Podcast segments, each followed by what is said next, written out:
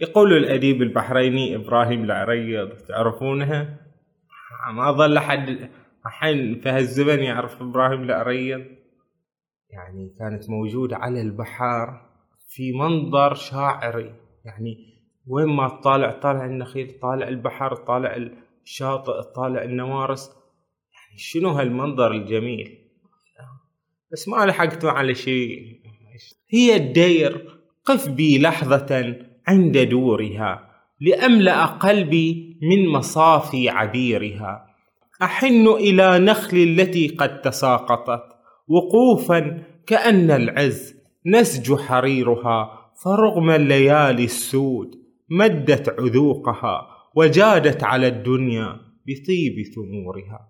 بتسأل عن نخيل اليوم وعن نخلة في كرباباد شدت بك ظهر مكسور سنين طوال والآهات تتحنى بهدير النور. هذه النخيل هاي ثروة وطنية لازم نحافظ عليها. فعلا نشوف كل النخيل يعني خلاص بتروح. ولهذا أنا أقترح يعني للأمانة ما أدري أحد بيسمع اقتراحي أو لا. السلام عليكم. أهلا وسهلا بكم في بودكاست أبحار. جايب لكم كتاب جديد اليوم هو كتاب النخلة في النتاج الفكري البحريني. للدكتور منصور سرحان. هذا الكتاب آه، سأقتطف منه بعضا من الأشعار الجميلة التي كتبها شعراء بحرينيون آه، في موضوعة واحدة وهي موضوعة الحديث عن النخيل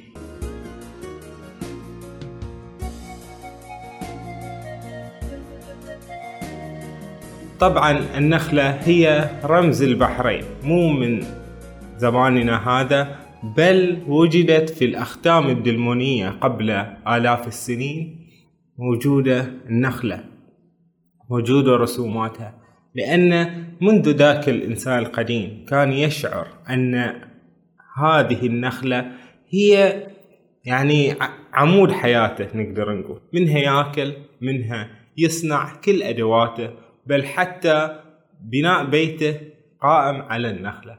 فحتى القرن الماضي كانوا أغلب الناس إذا مو كلهم تقريبا يعيشون في برستجات في أكواخ من النخيل. هذا هو البيت الشعبي في البحرين. اللي بس اللي شوي غني يسوون له من يعني من طين أو من شيء. ولكن الأغلب على هذه النخيل. وكل مستلزمات الحياة كل أدواتهم تلقى إنها مصنوعة من النخيل. وما يحتاج نقول إن البحرين هي بلد المليون نخلة وإن كان في قراها ومدنها. يعني آلاف بل عشرات الآلاف من النخيل وهذا ما عاش عليه أهل البحرين متجاورين مع النخلة مستأنسين بها. وأخذت بساتين النخيل تنحسر شيئا فشيئا. طوال يعني العقود الماضية حتى يعني صفينا على يعني خلاص على آخر شيء. ما ظل لنا نخيل إلا في الشوارع يعني بين بين كل مئة متر يحطون نخلة هذه يعني تزيين ل يعني البحرين باعتبار أنها بلد المليون نخلة. فماذا قال الشعراء البحرينيون عن النخلة عن اتصالهم بهذا المكون الجميل في البحرين. يقول الأديب البحريني إبراهيم العريض تعرفونها ما ظل أحد الحين في هالزمن يعرف إبراهيم العريض هذا أول يكونون أديبنا وهكذا عميد الأدباء من من زمان؟ ما تعرفون هالشي؟ يقول إبراهيم العريض نخلة العمر. طبت غرسا ولكن لجتنا خامل له منك شيئا. سنة الله أن يذوق جناها من يهز الجذع هزا مليا. نال عز الحياة من جاء يسعى واصطلى حرها وكان أبيا. يقول أن هذه هي النخلة نخلة العمر. منه اللي يستاهل تمرها وكذي. اللي يشتغل اللي يكافح هكذا. أما الشخص العطالي البطالي اللي ما يشتغل ما ما يحرث هذه النخلة ما يحصلها ولا يستاهل تمره. طبعا هالقصيدة كتبها إبراهيم العريض متى؟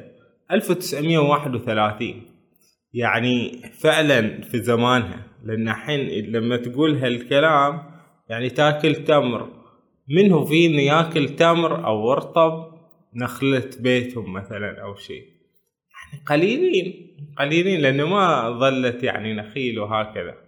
يقول الشاعر رضي الموسوي وطني أوال روضة غناء من جنات عدن. فيها النخيل كثيرة فكأنها حراس حصني أو كالمنارات التي في بعلبك بحسن فني ملأى من الثمر المنضد وهو محفوف بغصن؟ يغني عن الشهد الرحيق وليس عنه الشهد يغني. يبدو أن الشاعر رضي الموسوي أيضا قديم يعني. كتب هالكلام يقول يعني وطني فيه نخيل شنو متأكد يعني؟ ما يشوف. يقول لك يعني كأن النخيل حراس حصن فعلا لما تشوف صور النخيل شلون يعني كثرتها وشدتها تقول هي حراس حصن فعلا جميلة. وكأنها في ارتفاعها كأنها منارات مثل منارات بعلبك اللي هي اسطوانات في بعلبك. ويقول أيضا وتبدو البساتين ذات النخيل كمثل المنائر ذات القباب. بها كل ما تتمنى النفوس وما تشتهيه ولذ وطاب. يعني أكد يقول هاي النخيل هاي منائر منائر إنزين. أيضا الشاعر أحمد محمد آل خليفة. وأنتم صغار ما سمعتون أنت السحر أم أنت الجمال؟ لقد تهنى بسحرك يا أوال. تعانقت النخيل يقول على ثراها فغارت من تعانقها الجبال. هكذا. يقول وإني وفي للنخيل وإنها لأوفى لمن يرعى هواها بلا مطل. إذا احترم الإنسان في الأرض نخلة تجود له حتى يرى الخير في البذل. وإن أنت أكرمت النخيل تكرمت عليك وما بالنخيل طبع من البخل. ومره وقف الشاعر على عين عذاري فشافها خلاص احتضرت. وين؟ هذيك الأيام رأيت عين عذاري وهي تحتضر وكان يبكي عليها النخل والشجر. قالوا لنا إنها تسقي البعيد ولا تسقي القريب فكيف النخل يزدهر؟ لو أنها ما سقت نخلا بساحتها لما تدلى على أشجارها الثمر. لقد ظلمتم عذاري يا أحبتها فليس يصدق هذا القول والهذر. يقول إن المثل إن عذاري تسقي البعيد فيقول الحين عذاري تسقي البعيد آه، وتخلي القريب. وأكو هذه الأشجار صوبها من وين زرعت يعني؟ أكو موجودة هي. يعني تسقي هي البعيد والقريب. هكذا يعني يقول. ولعل اهتمام الشاعر بالنخيل وبهذه الطبيعة. عائد لكونه يعني ولد وتربى في قرية الجسرة. عندنا الشاعر محمد حسن كمال الدين شنو يقول في يعني التغني بالنخيل؟ بلادي لا يفارقها الظلال وأسرار الجمال لها جمال وتحريك القلوب لها مباح وأعناق النجوم لها جمال إذا كانت قلائدها نخيلا فزهر الياسمين لها ظلال. يعني يقول إن البحرين كله فيها في لأن تعرفون الشمس حارة. فيصير في لأن في نخيل واجد فيصير في في وش وش فيك مستغربين أنا أتكلم عن البحرين بس مو الحين يعني ذاك الزمن لما كان في نخيل واجد. أوكي؟ فيعني إحنا الحين قاعدين نرجع بالزمن نشوف النخيل شلون كانت أول وشلون يعني تكون كل البحرين كلها في وهكذا. ويقول أيضا الشاعر محمد حسن كمال الدين أيها النخل الذي علمنا سر الوفاء أنت شعر كتبته الأرض في جوف السماء أيها الساكن في ذرات ذرات الدماء. أنت من يغرس في أعماقنا. معنى الولاء. أيها الاسم الذي البحرين فيه الخيلاء. أنت واسم لبلادي كسمات النبلاء. أيها النخل الذي في حبه عشنا الإخاء. أنت لا زلت على الدنيا غذاء الفقراء. أي أيوة والله كانت نخلة غذاء الفقراء والأغنياء. أول ما عندهم إلا التمر فهذه النخلة يعني أكرموا عمتكم النخلة كما ورد عن النبي وذكرت النخلة في القرآن. ف يعني للنخلة يعني أهمية جدا. ويقول بعد وطن النوارس والشواطئ والنخيل وطن الشموس وسحرها عند الأصيل. والصافنات من الجياد إذا تبادلت الصهيل وطن الجميل. يعني يقول إذا تروح على البحر وتشوف النوارس على البحر هكذا والشواطئ الجميلة والنخيل. النخيل أول يعني كانت موجودة على البحر في منظر شاعري. يعني وين ما تطالع طالع النخيل طالع البحر طالع الشاطئ طالع النوارس. شنو هالمنظر الجميل؟ بس ما لحقت على شيء يقول الشاعر إبراهيم بوهندي يلاعب طفلها الشطآن حتى تغط الشمس في ليل طويل معلقة النخيل مع الصواري بصارية الزمان بلا مثيل. أتاها الصب يهوى في هواها خلود الروح في قمم النخيل. ويقول الشاعر سليم عبد الرؤوف تلك النخيل التي تزهو بقامتها وتبدع الرقص من حين إلى حين. أهزها الشوق للأحباب أم شربت زلال دلمنا في أكواب دارين. يعني يقول هذه ما يشوفون النخيل إذا حبت هواء تمايل هكذا. فهل هزها الشوق للأحباب أم أنه وشو؟ أن تذكرت أيام دلمن وأيام دارين. دارين ترى من قبل الإسلام ميناء مهم. يقول الشاعر علي حسن يوسف وهو من شعراء قرية الدير مخاطبا قريته الجميلة فيقول هي الدير قف بي لحظة عند دورها لأملأ قلبي من مصافي عبيرها. وأي خيال الشعر يرقي لحسنها. إذا كان نهر الشعر بعد عصيرها إذا طفت في شطآنها وربوعها أخال كأن الحسن بعد صخورها. ويكمل ويقول وإن حياة العز في منطق الحجى أعز مكان للفتى فوق سورها. تمثل طريق الحق تحيا مكرما فإن ضياء النفس في فيض نورها أحن إلى نخل التي قد تساقطت وقوفا كأن العز نسج حريرها فرغم الليالي السود مدت عذوقها وجادت على الدنيا بطيب ثمورها. هكذا يتحدث عن الدير قريته الجميلة وعن شطآنها وعن ربوعها وعن نخيلها. هكذا. إنزين بعد وش عندنا؟ عبد الرحمن الزياني. شنو يقول؟ يقول فعزك يا أوال بعز قوم أشادوا للعلا حسنا حصينا فلا زالت لياليها بعز ويجني من نخايلها الثمينة وعندنا الشاعر حسين السماهيجي. هذا مال سماهيج يزعلون إذا يعني مدحوا بس الدير. فحسين السماهيجي يتكلم عن سماهيج. يقول يا سماهيج يا ابنة الماء إني أتغنى بشعرك المنثور. أنت أم النخيل أنت بقايا. حلمي في دفتري وسطوري. أنت سري إذا نطقت بشعر أفصحت عنه رعشة المغرور. يا هوى طاب لي على شاطئ البحر. وطاب الحديث فوق الصخور. فهكذا نشوف هذول الشعراء كان لهم ارتباط بالطبيعة.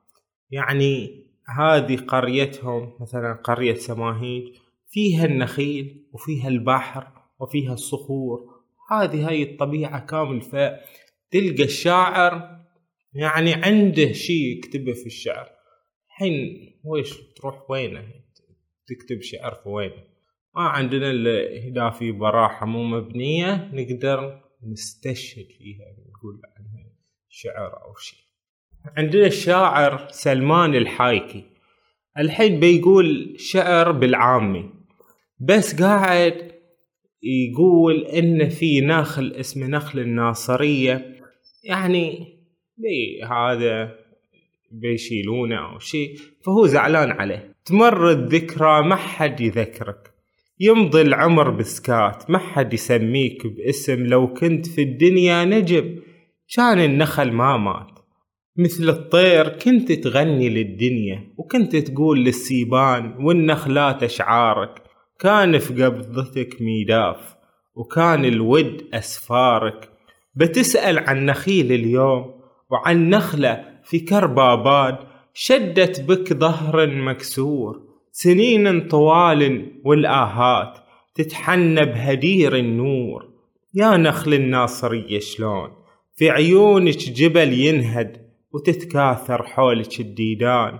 يا نخل البدايع باسقات القد كيف يجرك الطوفان؟ صوب الجزر والمد ويصير الشوك في ضلوعك بلم غرقان.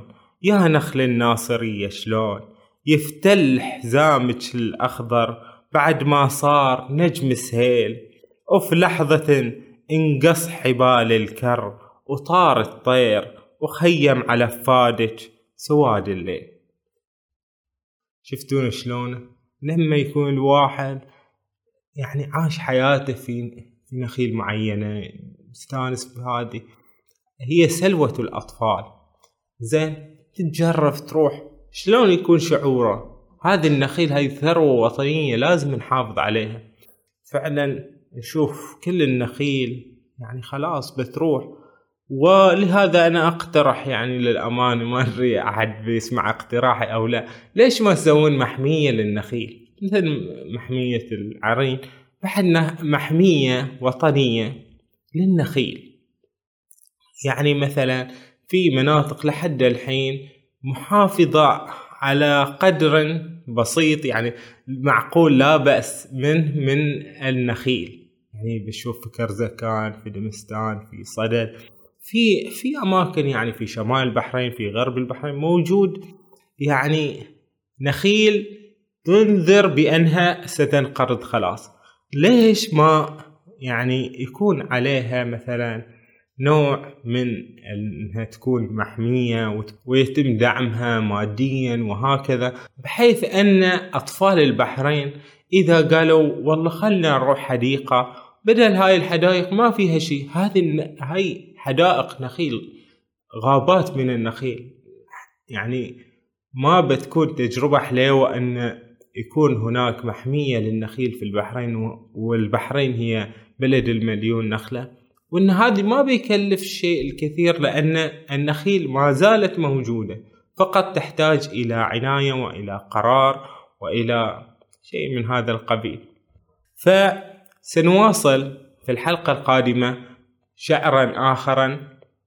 بن هذا بنتكلم عن آه، شعر عامي شعر مواويل وكذلك شعر حداثي في موضوع النخيل وكله من شعراء بحرينيين. فكونوا معنا إن شاء الله لنتحدث أكثر عن موضوعة النخل وما تعنيه لقلب الشاعر البحريني. فشاركوا هذا المقطع وكونوا بألف خير وصحة وعافية.